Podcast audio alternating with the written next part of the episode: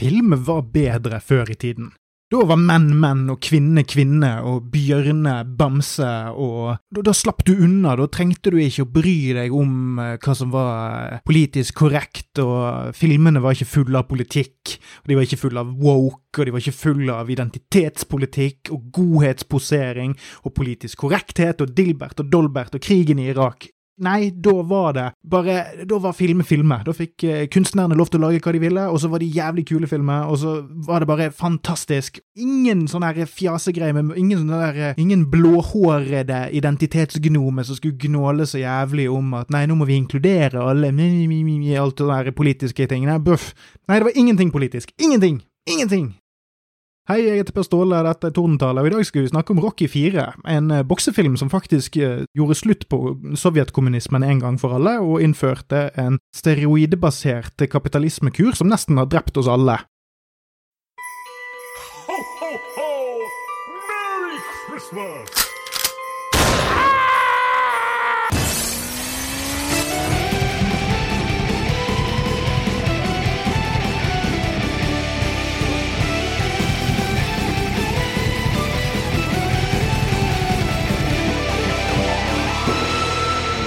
Nå kan det hende de, de som har uh, sett litt på kalenderen, har jo funnet ut det at hei, det er jo jammen snuske meg desember blitt. Og da er det jo noen ting som har skjedd her. Altså For eksempel er det noen som kanskje tenker er ikke dette her kanskje er ikke dette her kanskje en, en uh, misdannelsesepisode? Og det har dere helt rett i. Og det går jo litt eh, dårlig sammen med rytmen jeg har prøvd å legge opp til. Men nå var det sånn at jeg kom på en veldig, veldig fin liten sånn julemånedsplan som jeg har lyst til å prøve å gjennomføre. Så nå stokker jeg litt om, og resten av desember, dersom alt går etter planen Det kan godt hende at jeg ikke får gitt ut så mange episoder som jeg tror, men vi får krysse fingrene og håpe.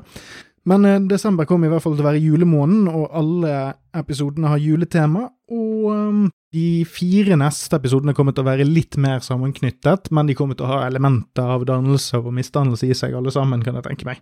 Så det blir på en måte en, en, en uh, yin-yang feng shui-måte å avslutte 2022 med. Og så vil jeg bare ha det sagt en gang for alle at Rocky 4 er en julefilm. Finalen foregår på første juledag, og det er masse, masse snø. Og det bør være nok. Så la oss ta på oss nisseluene våre og trekke de godt nedover øynene, og snakke litt om Rocky 4. Jeg har hatt lyst til å snakke om Rocky-filmene ganske lenge, fordi det er en eh, filmserie jeg har mange tanker om, men òg eh, fordi at de står meg eh, ganske nær personlig. Jeg tror jeg har vært hektet siden jeg lånte Rocky 1-5 på kassett av en kompis på ungdomsskolen. Og så, jeg tror, jeg tror det var ferie eller en eller annen slags skoleopphold, så jeg var, var i hvert fall det huset for meg sjøl. Og da satt jeg og så de på repeat i sekvens etter hverandre, om og om og om, om igjen. Eh, og så har jeg òg uh, fulgt med på altså Det er jo nå snart ni filmer i denne serien her. Du har Rocky 1 til 6, eh, og så har du, eh, har du de nye Creed-filmene som snart er oppe i nummer tre. Denne filmserien har hatt bein å gå på, så da har du ni filmer over det som nå er 46 år. Som er ganske imponerende popkulturelle bein å gå på for en Altså, det er jo sportsfilmer, dette her. Og det er en idrett som ikke nødvendigvis er så ekstremt populær lenger. Den har alltid blitt utfordret av andre kampsportsgreiner, og den har jo ikke hatt nødvendigvis det enorme kulturelle hegemoniet så lenge. Men det er et eller annet med disse filmene som bare appellerer veldig til både meg og andre. Selv om vi ikke nødvendigvis er boksefans, så er det noe med denne figuren og denne serien som, som fremdeles tiltaler oss.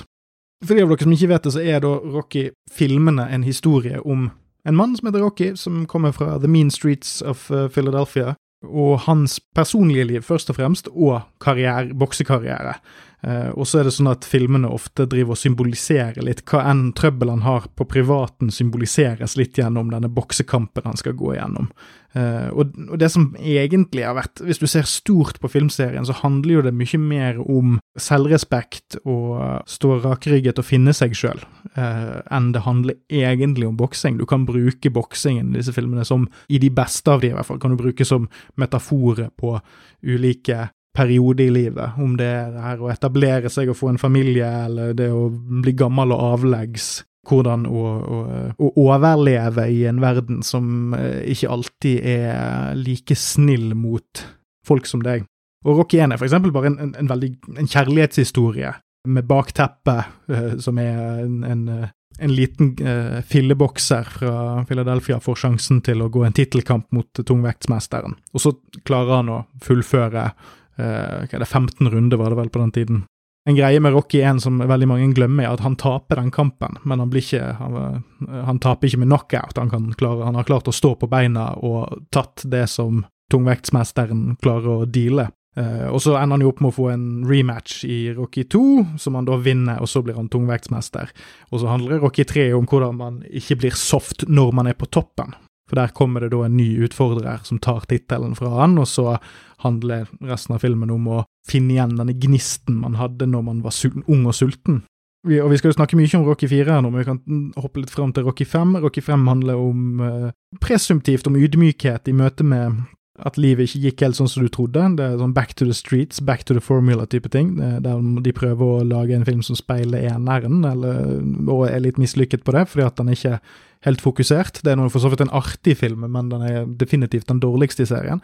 Og så har du Rocky 6, som er, som er Rocky Balboa, som kom ut 30 år etter eneren, og som egentlig er en sånn pensjonsavtalefilm der Rocky er uh, gammel, uh, avleggs, men så får han et tilbud om en exhibition-kamp mot en ungdom, og da, kommer, da er det dette her igjen. Hvis han har lyst til å gjøre det og har lyst til å se om han kan klare det, hvorfor skal han da la være? Nå, snakker jeg bare om hovedserien her. Creed 1 og 2 de kan vi snakke om en annen gang, de er på en måte en spin-off av faktisk Rocky 4. Men Creed-filmen er dritbra, spesielt eneren òg, så det er, det er Rocky-filmer, det òg, men jeg tenker i dag skal vi snakke mest litt om karakteren Rocky, og, og, hvordan ting går wildly off the road i Rocky 4. På de beste måtene det er mulig å gjøre det på, for så vidt. Så la oss ikke bli negative, for guds skyld. Fordi, øh, selv om det kanskje ikke høres sånn ut nå, så er dette her en av favorittfilmene mine gjennom tidene. Kanskje ikke nødvendigvis eh, dramaturgisk, eller noe sånt, men hvis det kommer til bare sånn pound for pound underholdning i 90 streite minutter, så er Rocky 4 noe av det gøyeste jeg vet om. Rocky-filmen er òg hjertebarnet og til skaperen av de, eh, som da er Sylvester Stallone, eh, som mange sikkert kjenner, men uh, for de av dere som ikke har fått åreforkalkning over hele hjernen deres, eh, så kan jeg uh, si det at Sylvester Stallone var og er en, gammel actionstjerne fra 70- og 80-tallet, men Rocky, er gjennombruddsfilmen hans, den vant faktisk en Oscar for beste film i 1977. Eh, så, så, det er starten på karrieren hans. Altså. Stallone har alltid hatt et sånt Han har hatt et sånt tosidig prosjekt gående. På den ene siden har han hatt veldig lyst til å bli tatt seriøst som skuespiller, og han har prøvd å gjøre det flere ganger, men han har alltid blitt typecastet litt i kritikerne sine øyne, og til en viss grad publikum sine øyne, som en litt dum og enkel type. Eh, som Rocky-figuren på mange måter egentlig er en parodi på. Eh, hvis du hører Sylvester Stallone eh, snakke i intervjuet, så er han en ganske velformulert type som har altså Man kan jo si at han er en tulling på mange måter, men han er, han er han, han, har, har, tenkt mer gjennom ting enn det folk kanskje tror at han gjør. Eh, og Rocky-figuren har alltid vært en en litt enklere versjon av Stallone som ikke forstår verden like godt som han, men som har et mye større hjerte og et mye større En veldig sympatisk type, rett og slett. En enkel type som du, som du finner sjarmerende i hvor lite han lar verden Hvor positiv han klarer å være, til tross for at han ikke har noen som helst grunn til å være det. Altså, Og så kan det jo selvfølgelig ligge litt ulmende under, men det er denne, det er denne evnen til Det er en underdog story, sant? evnen til å kunne ikke bli, eh, bli slått ned av hva livet har, har, å by på. Og måten denne Rocky-figuren utvikler seg på gjennom filmene, speiler da ofte hvor Stallone var i karrieren sin på den tiden han lagde de. Uh, når han lagde Rocky 1, så var han underdogen. Han tjente nesten ikke penger på det. Han måtte selge bikkjen sin for å overleve i den perioden han skrev eh, manuset.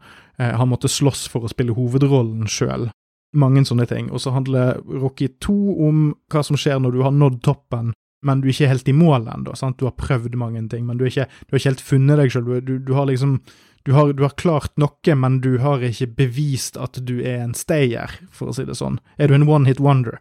Fordi eh, etter Rocky 1 som gjorde Stallone et par filmer som ikke gjorde det så veldig bra, eh, før han gjorde Rocky 2, så da var Rocky 2 forsøket på å sånn si OK, se, jeg kan faktisk lage noe, en, en gigasmash til. Eh, og så er Rocky 3 når han begynner å bli litt høy på pæra, litt mer actionorientert. Det kan jeg òg si nå, at både Rocky 3 og Rocky 4 kom ut i henholdsvis samme år som Rambo 1 og Rambo 2. Så når Rocky 3 kom ut, så var Stallone i mer sånn actionhumør. Da hadde han gjort noen film i mellomtiden, men nå hadde han begynt å, å få mer smaken på å lage litt mer flashy underholdning, selv om Rambo 1, First Blood som den egentlig heter, er egentlig ikke så veldig mye en actionfilm, det er mer en, en, en thriller, en psykologisk thriller om PTSD og, og en del sånt, så er det òg eh, en sånn dreining mot noe litt mer primalt, eh, som Stallone prøver å få uttrykk for. Og Rocky 3 er òg mye mer en actionfilm enn de foregående to Rocky-filmene. Uh, I den filmen så er det istedenfor at det er én boksekamp som filmen leder opp til, så er det tre slåsskamper gjennom filmen. Uh, den første er en exhibition-kamp mot Hulk Hogan. Den andre er når han får grisehjuling av Mr. T. og så er det at han vinner over Mr. T i finalen. Så det er på måte Du får Det er en sånn 25 minutter oppbygning, så en slåsskamp. 25 minutter oppbygning, så en slåsskamp. Altså det, det skjer veldig, veldig eh, quick succession. Snipp, snipp, veldig pang på. Og så kommer den overgangen da igjen til Rocky 4, som kom ut samme år som Rambo, First Blood Part 2. Og nå er vi inne i det tjukkeste 80-tallet, 1985. Stallone er en av de største stjernene i verden, og filmene blir dummere og dummere i refleksjonsnivå. Uh, Stallone er ganske god på å skrive små personlige historier, men han er uh, ha, Fordi han er ganske god til å male med brei pensel på mikronivå, men med en gang han skal gjøre ting litt stort og bombastisk, så blir den breie penselen veldig, veldig, veldig brei. Uh, da snakker vi sånn dampveivals-malerull. Så ikke bare er Rocky 4 en actionfilm, men det er òg kanskje en av de, de mest hule actionfilmene på denne størrelsen jeg vet om, kanskje bortsett fra Top Gun, filmer som ikke som, som er så ekstremt teknisk gode, og egentlig sitter med veldig mye mening, altså at du kan sitte og snakke om de ganske lenge, og snakke om hva de signaliserer til seeren, hva de forteller seeren indirekte eller ved eh, de visuelle grepene og, og, og rent filmtekniske ting, men hvis du ser på hva filmen faktisk handler om, så er det syltynt og veldig overfladisk. Uh, og Nå skal jeg ta og gi en kjapp plottsynopsis for de to-tre stykkene der ute som ikke har sett Rocky 4. Veldig enkelt, så det er sånn at i Rocky 1 så slåss han mot en fyr som heter Apollo Creed. Han er basically Muhammad Ali, en slags pastisj over det. Uh, I toeren så vinner Rocky tittelen fra samme fyr i en uh, rematch. I treeren, når Rocky taper tittelen sin til Mr. T. Eh, forresten, jeg må bare si, når du slåss mot Hulk Hogan og Mr. T i samme film, da vet du at du har beveget deg inn i et, et meget, meget smakfullt territorium av filmlandskapet. Uansett, i, i, i, Rocky 3 så blir de venner, altså Rocky og Apollo Creed, og Creed hjelper han med å trene og bli en mer effektiv bokser, eh, og finne denne her Eye of the Tiger, som da er hovedtemaet musikken. Og de blir veldig glad i hverandre, de hopper og danser veldig lettkledd eh, og klemmer hverandre i, eh, i strandsonen. Sånn apropos hva eh, sublimale signalet en film kan sende med hva det viser og sånn, så det, nå begynner vi òg å bli vel, Vi er godt inne i sånn manlove-territoriet her. Det, altså, det er veldig no homo, men litt, litt homo kan det være eh, likevel. Hvis du vrir og vrenger litt på det. Ikke så mye, egentlig. Og uansett, i Rocky 4, for å komme tilbake til plottet, eh, så er poenget at Sovjetunionen har bestemt seg for å slå seg opp, bokstavelig talt, i bokseverden av en eller annen grunn. De kom aldri helt fram til hvorfor. Uh, og de har en sånn übermensch, uh, portrettert av Dolf Lundgren, som da heter Ivan Drago. Og Drago er den perfekte bokseren, påstår de. Han er jo, og hvis man ser på Dolf Lundgren på dette tidspunktet her, midten av 20-årene i 1985, så er det veldig bra casting. Det er sånn hvis du skulle prøvd å, å tegne en Det er litt Terminator-inspirert. Han, han, er en stor, dum, sterk blond, litt sånn arisk nesten. eh, Ja, altså det er veldig sånn nazi-arisk übermensch, overmenneske. Og denne Drago de er, de er rundt på en sånn publisitetsturné, og så får Apollo Creed, som egentlig har pensjonert seg fra boksing, han blir sur, han har lyst til å liksom vise dem hva amerikanerne kan by på. Eh, og så ender jo dette i en fadese med at eh, Dolph, eller Drago, kverker Apollo Creed i ringen ved at han bare er for sterk og uovervinnelig. Og da sverger Rocky hevn, I guess, og bestemmer seg for å utfordre eh, Drago til en ikke-sanksjonert kamp. Eh, Det betyr altså da at eh, kampen ikke Det handler ikke om eh, tittelbelte. Det blir som en slags glorifisert exhibition-kamp, men de skal i hvert fall det i Russland 25. desember. Og da er, er, er Rocky sin motivasjon litt sånn uggen for meg, fordi det er jo åpenbart et hevnmotiv her, men Rocky er ikke en fyr som egentlig tar hevn. Han er ikke en hevngjerrig fyr, men han har på en måte lyst til å, å, å vise at USA ikke er en uh, gjeng med pyse, og han har lyst til å hedre Apollo sitt minne. Men, altså det at det er litt uklart sånn hva dette skal bety for Rocky. For altså, det, var, det var derfor jeg snakket i sted om dette her, at filmene ofte speiler Stallone sin karriere, men de speiler òg Det er sånn at boksekampen representerer et eller annet for Rocky som en figur. Og i Rocky 4 så er det litt utydelig, fordi at Altså, utydelig i den forstand at når du har sett Rocky 4, så sitter du ikke egentlig og føler at, at Rocky har gått igjennom en, en endring eller blitt noe mer. Mens hvis du ser Rocky 1 og Rocky 2 og Rocky 3, som er en Rocky 3 er jo mye nærmere Rocky 4 i, i stil og tone enn de to forrige. Men alle de tre filmene har veldig, et veldig tydelig startpunkt for hvor han er i livet, og så ender han på et mye bedre sted på slutten. I eneren så er han down on his luck, singel, eh, egentlig ganske venneløs og patetisk, men i slutten av filmen så har han blitt noe, han har fått seg dame, han har venner, altså det er sånn og så videre og så videre. Du kan, du kan si det for hver av filmene, men i Rocky 4 så er ikke dette tydelig. Han, han, har lyst til å hevne sin venn, men det er ikke, altså, han har lyst til å liksom representere amerikanske verdier, men det er fremdeles ikke noe som er veldig bra for Rocky sin del.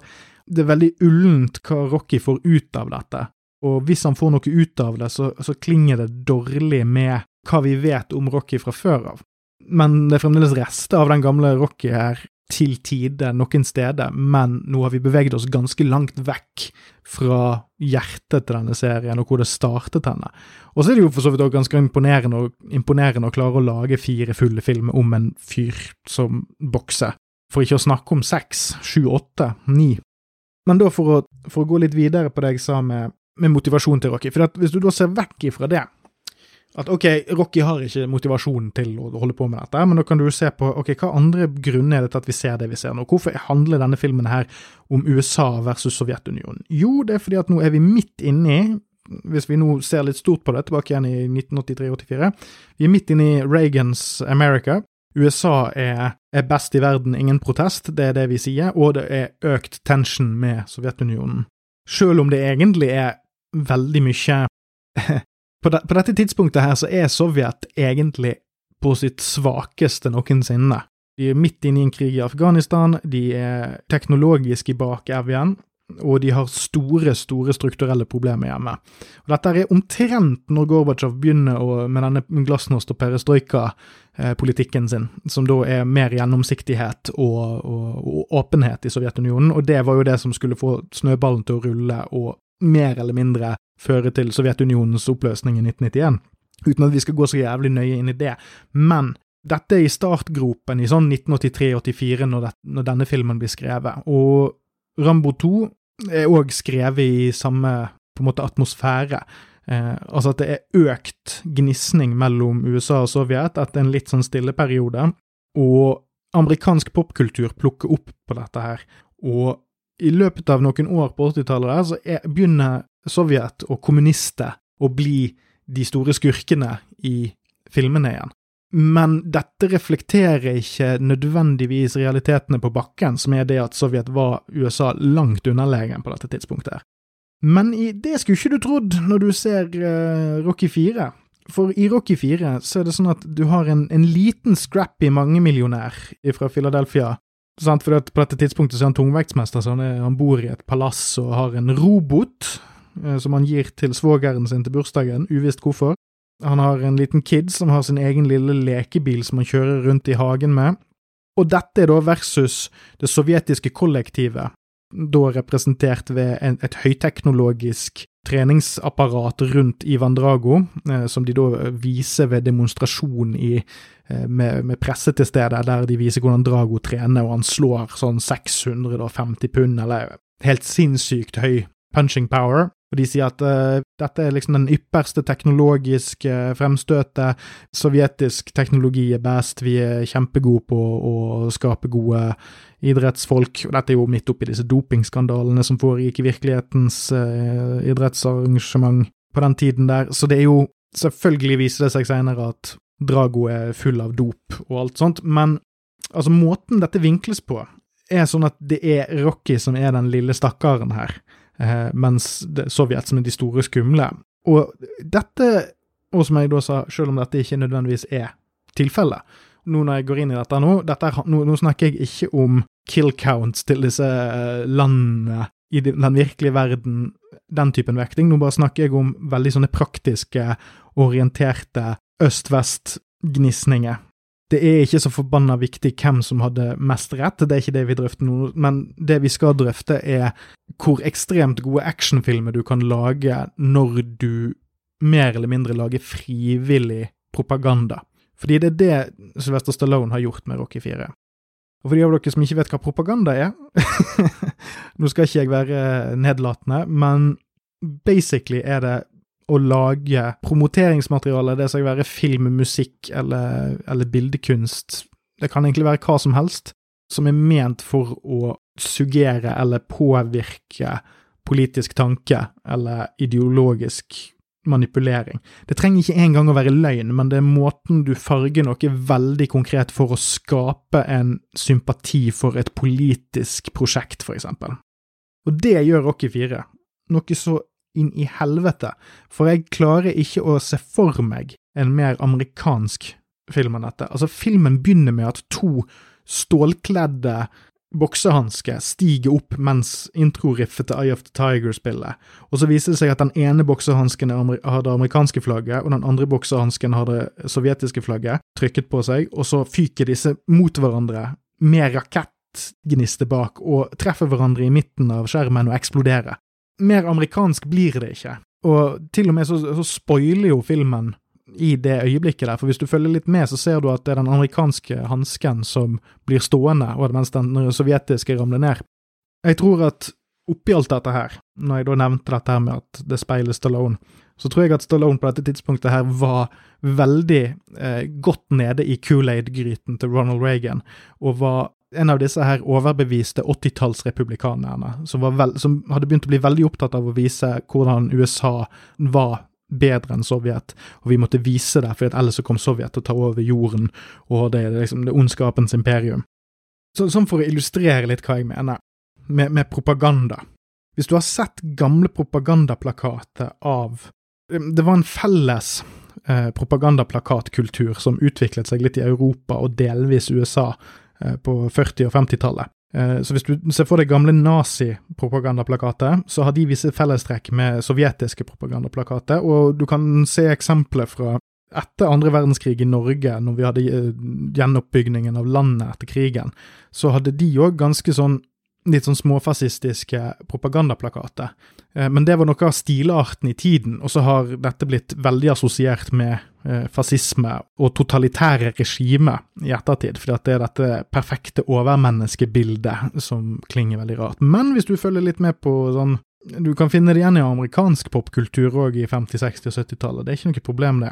Men måten Dolph Lundgren blir presentert på i denne filmen, her er som en vandrende propagandaplakat. Og det er ikke tilfeldig, fordi at meningen med Ivan Drago er at vi skal se at å i helvete, hvordan kan stakkars lille steroideinfuserte Sylvester Stallone klare å slå det der? For det er jo det som òg er litt eh, ironisk her, er at mens vi ser i filmen at Dolph Lundgren sin figur blir satt inn med, med steroidesprøyte, så har Stallone innrømt i virkeligheten at han gikk på steroider eh, omtrent på denne tiden her. Så der har du en annen propagandateknikk, der Rocky fremstilles som en sunn eh, friskus som gjør ting på den naturlige måten, mens du har Drago som er en kald maskin som får kunstig ernæring. Og, og, og steroidebruk, og han har topp teknologisk utstyr til å trene med. Og så er det den lille friskusen som vinner til slutt. Og det, det nærmer, Nå kommer vi inn på uh, montasjebruken i, i, Rocky 4, for den er interessant uh, for å få fram disse poengene her.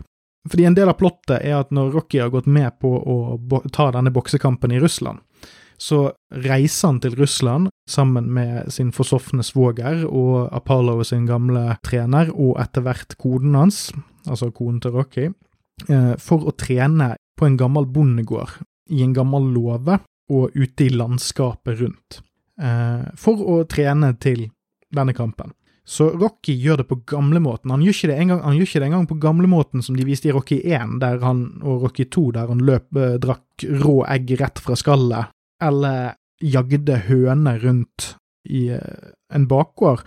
Nei da, her driver han og tar situps ifra låvetaket Uh, han tar uh, vektløfting med å løfte en, en hestekjerre fylt med folk.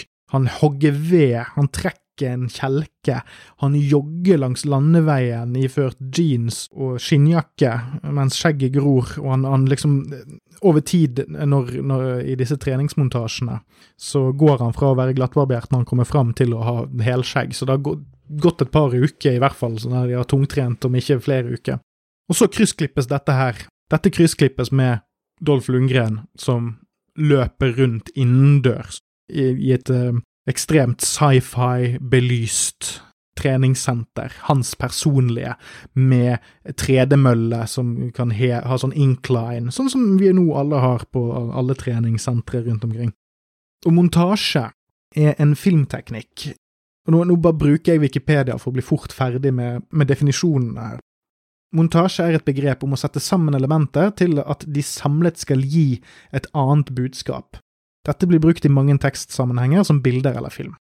Og så kan vi ta den engelske definisjonen, som er a film editing technique in which a series of short shots are sequenced to condense space, time and information. Dette har jo sportsfilmer gjort lenge. Jeg tror ikke det var Rocky som fant opp sportsfilmmontasjen, eller treningsmontasjen, men det er Rocky-filmene som har perfeksjonert den. Eh, og de mest kjente delene av Rocky-filmene er treningssekvensene, og gjerne i eneren, den mest kjente, med Gonna Fly Now. Eh, og Gonna Fly Now har vært temaet for treningsbitene i disse filmene fram til nå. I Rocky 3 så var det tendenser med sånn kryssklipping mellom det Rocky gjorde og det uh, eh, Mr. T gjorde, eller Clubber Lang, som uh, figuren heter i filmen, men det er basically bare Mr. T. Så når du setter ulike filmklipp i sekvens, og de motstrider hverandre, så kan du skape mening uten å si noe. Så hvis jeg filmer meg sjøl mens jeg spiser potetgull på sofaen, og så klipper jeg det sammen med at naboen min driver og tar pushups, så skaper det en motsetning mellom meg og naboen min i denne filmsekvensen. Og det gjorde de i Rocky 3 med Clubber Lang og Rocky, der Rocky vises til å være over the hill. Han uh, tar ikke treningen sin seriøst, mens du får se Clubber Lang eh, bo i en råtten eh, leilighet og tar pullups på rørene i taket. Sant? Altså sånn skikkelig grimy og jævlig. Og det viser da hva som kommer til å skje i den, den første kampen mellom Clubber og Rocky. Mens i Rocky 4 så er dette så intenst knyttet sammen så når du ser Rocky gjøre én type øvelse i treningsmontasjen, så ser du Drago gjøre en tilsvarende, men mer fake, mer falsk, eh, mer uverdig versjon av det i dette høyteknologiske treningsstudioet sitt. Om Nå feilsiterer jeg sikkert litt her, men for eksempel Rocky løper på landeveien mens KGB skygger han. sant? Han løper i slaps og stresser og skal komme og løpe, men da ser du Dolph Lundgren løpe på en tredemølle. sant? Åpenbart er den ene ment. Altså For det første så er det jo mye styrke og sånt i bildene med Drago og Dolph Lundgren. Det er ikke sånn at filmen avslører hva som kommer til å skje i finalen, at Rocky kommer til å vinne, men den sender et signal til underbevisstheten din om at en av disse her er mer ekte enn den andre. En av disse fortjener å vinne mer enn den andre. En av disse her er en underdog, men er naturkraft. En, han er nærmere naturen, han vet hvem han er. Eh, mens den andre er, er kunstig og falsk. Eh, og det trekker oss inn i det propagandistiske med dette her. For her har du denne individualisten, sant. USA er liksom individualismens eh, hjemland. Ikke at de fant det opp, men de har, de har gjort det til en så stor del av identiteten sin. Jeg har jo helt glemt det at i den exhibition-kampen der Apollo Creed blir drept, der er det jo en uh, Før kampen begynner, så er det jo et kjempestort musikknummer med James Brown og fullt Las Vegas-show, mens James Brown synger Living in America, og Apollo er utkledd som Uncle Sam og sier I want you, I Want You, som er en sånn referanse til gamle rekrutteringsplakater eh, til den amerikanske hæren. Og, og, det eh, Apollo Creed òg er kjent for, er at han, eh, hans shorts er, farg, er, det amerikanske flagget. Og litt sånn iboende i Apollo Creed sin figur, så er det at han representerer en viss del av USA som Rocky ikke representerer. De er på en måte to sider av det amerikanske samfunnet. Så når Drago dreper Creed i ringen, så har Altså, de sier det ikke eksplisitt i filmen, men filmen har fortalt underbevisstheten din at nå har eh, Sovjet skadet USA. Og når Rocky bestemmer seg sjøl, altså det er han som tar avgjørelsen, det er ingen som ber han om å hevne dette her eller representere USA, han går ut med individualismen sin og bestemmer seg for at nei, jeg skal ta dette kollektivistiske marerittet som nå har forvoldt oss skade, og sette det på plass dersom jeg kan det, det, er på en måte det filmen forteller deg, uten å egentlig nødvendigvis handle om det. Og det er det som er det propagandistiske i det. At, at filmen fjerner seg så mye fra Altså, den bruker noe så personlig til å si noe så, så politisk. At den forteller deg så mange ting uten å egentlig si noe som helst. Den har ingen meninger om du får, du får ikke vite noe om Sovjetunionen annet enn det bokserelaterte. Du får ikke vite noe om USA heller, det er en amerikansk film for et amerikansk publikum, og hvem enn andre som sympatiserer med det. Og dette er noe man merker, selv om man ikke vet om disse tingene. Så plukker du det opp, og det er sånn god propaganda lages. Det er når du skjønner at her blir du fortalt et budskap, uten at du kan si det på, i én setning. Det er sånn god reklame fungerer òg. Det er jo derfor reklame, spesielt i Norge, har blitt sånn, sånn artige, sånn at du husker de bare fordi at det er et artig plott, eller de prøver i hvert fall å være morsomme, og ved at du husker de fordi at de er litt artige, så husker du òg produktet de har reklamert for, og så er det en høyere sjanse for at du kjøper det produktet neste gang du står og holder to ting i hånden din, for at du har i hvert fall hørt om det ene produktet fordi at du husker den artige reklamen. Og det er sånn propaganda fungerer òg, det er ikke nødvendigvis sånn at du skal kjøpe det i akkurat den forstand som det blir presentert til deg, men det er det at det forteller deg, det gir deg et referanseverk til hva du har med å gjøre. Så om det er nazipropaganda, kommunistpropaganda, kapitalismepropaganda eller sosialismepropaganda, eller hva faen enn det er, så er det meningen at du skal assosiere visse bilder med visse ting. Så det er derfor Rocky 4 er så jævlig effektiv, fordi at du skjønner så ekstremt godt hva filmen forteller deg, men du må bruke ca. 40 minutter av en podkast for å forklare det. Og, og det syns jeg illustrerer litt hvor mye mening du kan pakke inn i det òg, at en så dum film kan ha At, at for, for hver, hvert bilde du kryssklipper, eh, så kan du hente ut eh, 14 varianter av, av meninger av det, fra det. En annen ting, eh, vi kan jo Altså, jeg har ikke startet denne podkasten for å drive med matte, så jeg har brukt noen andre sine tall her. Men altså, Rocky 4 er den korteste filmen så langt. Rocky 1 og 2 varte ca. to timer, Rocky 3 varte i ca. 100, og denne var i overkant av 91 minutter. Og som sagt, jeg har brukt noen andre sine tall, men 29 minutter og 10 sekunder, altså tilnærmet en tredjedel av filmen, er montasje. Så det betyr at det er bare én time med plott her, mens en halvtime av filmen er bare en symbolmiltraljøse eh, som skal gi deg en magefølelse uten å si noe konkret. En annen ting som òg viser reisen fra Rocky 1 til Rocky 4, er at de forrige Rocky-filmene har begynt med eh, fanfare for Rocky, som er Bill Conti sin gladiatorfanfare, som er veldig sånn grandios, men òg, ja, på sitt eget vis illustrerer litt liksom storheten i Rocky, da. Det er en litt sånn klassisk sånn Ja, et, et sånn, sånn lite symfoniorkester eh, med masse, masse messingblås som spiller opp til kamp, da.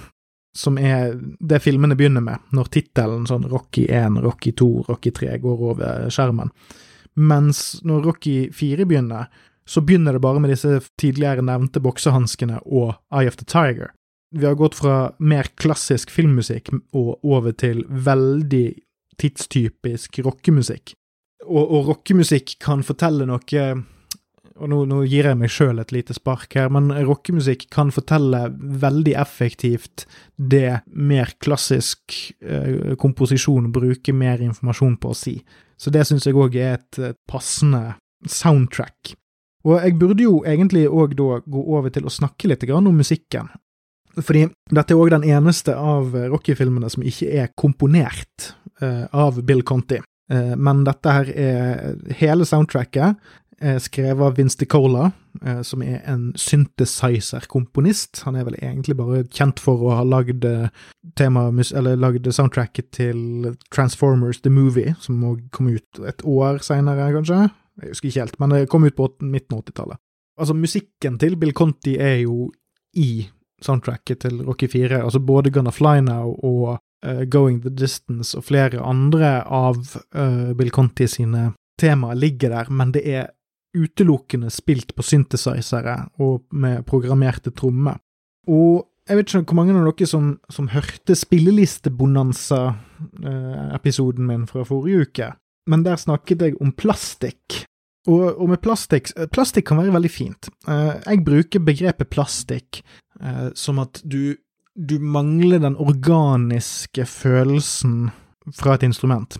Og det er jo Jeg er jo veldig glad i elgitarer, og jeg kan jo, når jeg tenker meg om, jeg kan jo ikke si at det er organisk, um, men det er ganske mye informasjon i en elgitar. Uh, det er ganske Altså, når du setter sammen elektriske komponenter for å lage den musikken, den, den støyen som kommer ut av en elektrisk gitar med litt fuzz og sånn, så er det en håndgripelig prosess, mens når du går over til programmering og datamaskiner eller synthesizere og sekvenser, altså sånn når, du tracker mange forskjellige syntmelodier, så er det mer preprogrammerte lyder som ikke er i så stor grad analoge. Den begynner å bevege seg litt mer over på digitalt. Jeg, jeg klarer ikke helt å forklare forskjellen her, fordi det er, det, det er tilfeldige skillelinjer som skiller f.eks. hva som gjør en synthesizer til kunstig, og hva som gjør en elgitar til genuin. sant?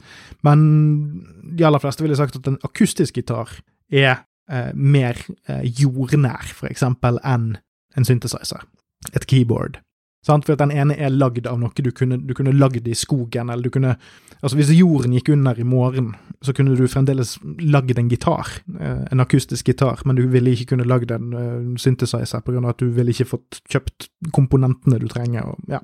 Så, men, men eh, det jeg òg sa i forrige episode, er at jeg har ikke nødvendigvis noe imot plastikk, fordi plastikksound kan òg gi deg informasjon som du ikke ville fått ellers. Du kan ha mer pump, du kan ha mer Altså, programmerte trommer kan gi en perfekt rytme, for eksempel, som ikke Altså, når du blir veldig, veldig bevisst på at noe er fake, så kan du Du kan lene deg litt inn i mekanikken i det. At, du, at det blir Det blir mer som å høre en, en veldig, veldig, veldig godt strukturert motor dure, uh, istedenfor at det er et uh, orkester som spiller sammen.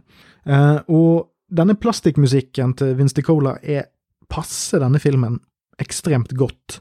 Fordi dette kalde, men intense preget til Sovjetunionen-siden fanges veldig bra, samt at montasjemusikken er dritbra. Det er for eksempel en låt som heter Hearts On Fire, som er sunget av John Cafferty med musikk fra Vince DeCola, som er soundtrack til den siste montasjen, og som sklir over i en Vince DeCola-snutt som heter Up The Mountain som er denne filmens versjon av The Rocky Steps. Fordi den mest berømte Rocky-scenen er når han løper opp eh, museumstrappene i Rocky 1, sant? og det, det, er en ting som gjentas i alle filmene. Men i denne filmen så løper Rocky opp et forbanna fjell, mens dette kryssklippes med at eh, de hever tilten på tredemøllen til Dolph Lundgren, og så Akkurat da klimakset kommer, så står eh, Rocky og roper Drago sitt navn, eh, og så eh, er det en veldig svett Dolph Lundgren som eh, lager noen litt sånn eh, gufne lyder og ikke klarer å løpe mer på tredemøllen. så kan vi jo tenke litt på hva det kan representere for enkelte, men ja, ja. Uansett, den musikken som uh, Up the Mountain, når disse her kryssklippingene fungerer som best, og denne driven i filmen bygger seg opp og bygge seg opp og bygge seg opp og bygge seg opp, så hadde ikke Bill Conti sin musikk funket. Fordi denne filmen her er kunstig. Denne filmen her er utrolig mye mer kunstig enn de foregående Rocky-filmene. Og én ting er at opposites attracts, men den en ting med Bill Conti sin musikk i de tre foregående filmene, er at den har enormt mye sjel, og fanger veldig mye av figuren Rocky og det universet han lever i, som er ganske likt vårt, men, men har en del Altså, Rocky-filmene handler mer om den, den amerikanske folkesjelen, kanskje. Og nå, nå, snakker jeg ikke om det som en, en negativ ting, men, men, denne her tingen med at du trykkes ned, og så er du villig til å gi mye for den ene sjansen du har, til å bli noe, og ikke være en boms. Men utviklingen har nå her blitt at det som var et veldig genuint filmunivers i eneren, har nå blitt helt plastikk. Altså, det er ikke mer karakter igjen, nesten. Nå handler det ikke lenger om det personlige, nå handler det om oss mot de, altså et flertall her. Hva er det vi er, og hva er det de er, istedenfor hvem er det jeg er, eller hva, hva er det som står imot meg, hva er det jeg er nødt til å overkomme for å bli noe større, bli noe bedre? Utvikle meg, lære meg å takle livet. Og dette funket jo, man kan se um, Rocky 4 og um, Rambo 2 tjente henholdsvis 300 millioner dollar hver i 1985. Uh, eh, og justert for inflasjon så tilsvarer jo det, hvis du slår sammen 600 millioner dollar, men justert for inflasjon så blir det 1,66 milliarder dollar i dagens valuta. Så dette var enorme filmer i sin tid, og så kan vi òg huske at uh, billettene var billigere òg, så det var nok langt flere som så, som så disse filmene òg, enn det uh, billettinntjeningen skulle tilsi.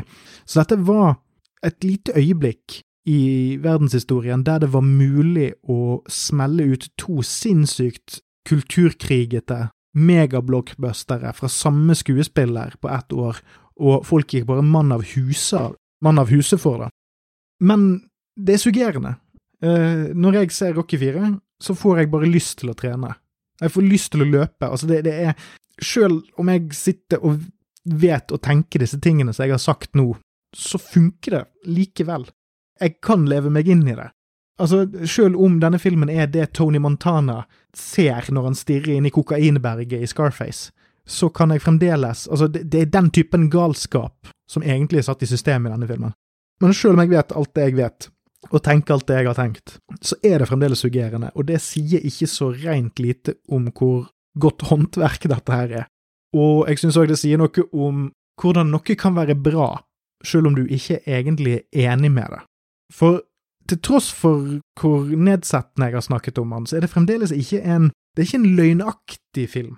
Jeg ville ikke kalt den løgnaktig, sånn at jeg tror at når Stallone, og det må jeg si, det har, det har jeg jo glemt å si, det er jo Stallone som både har skrevet og regissert denne filmen òg.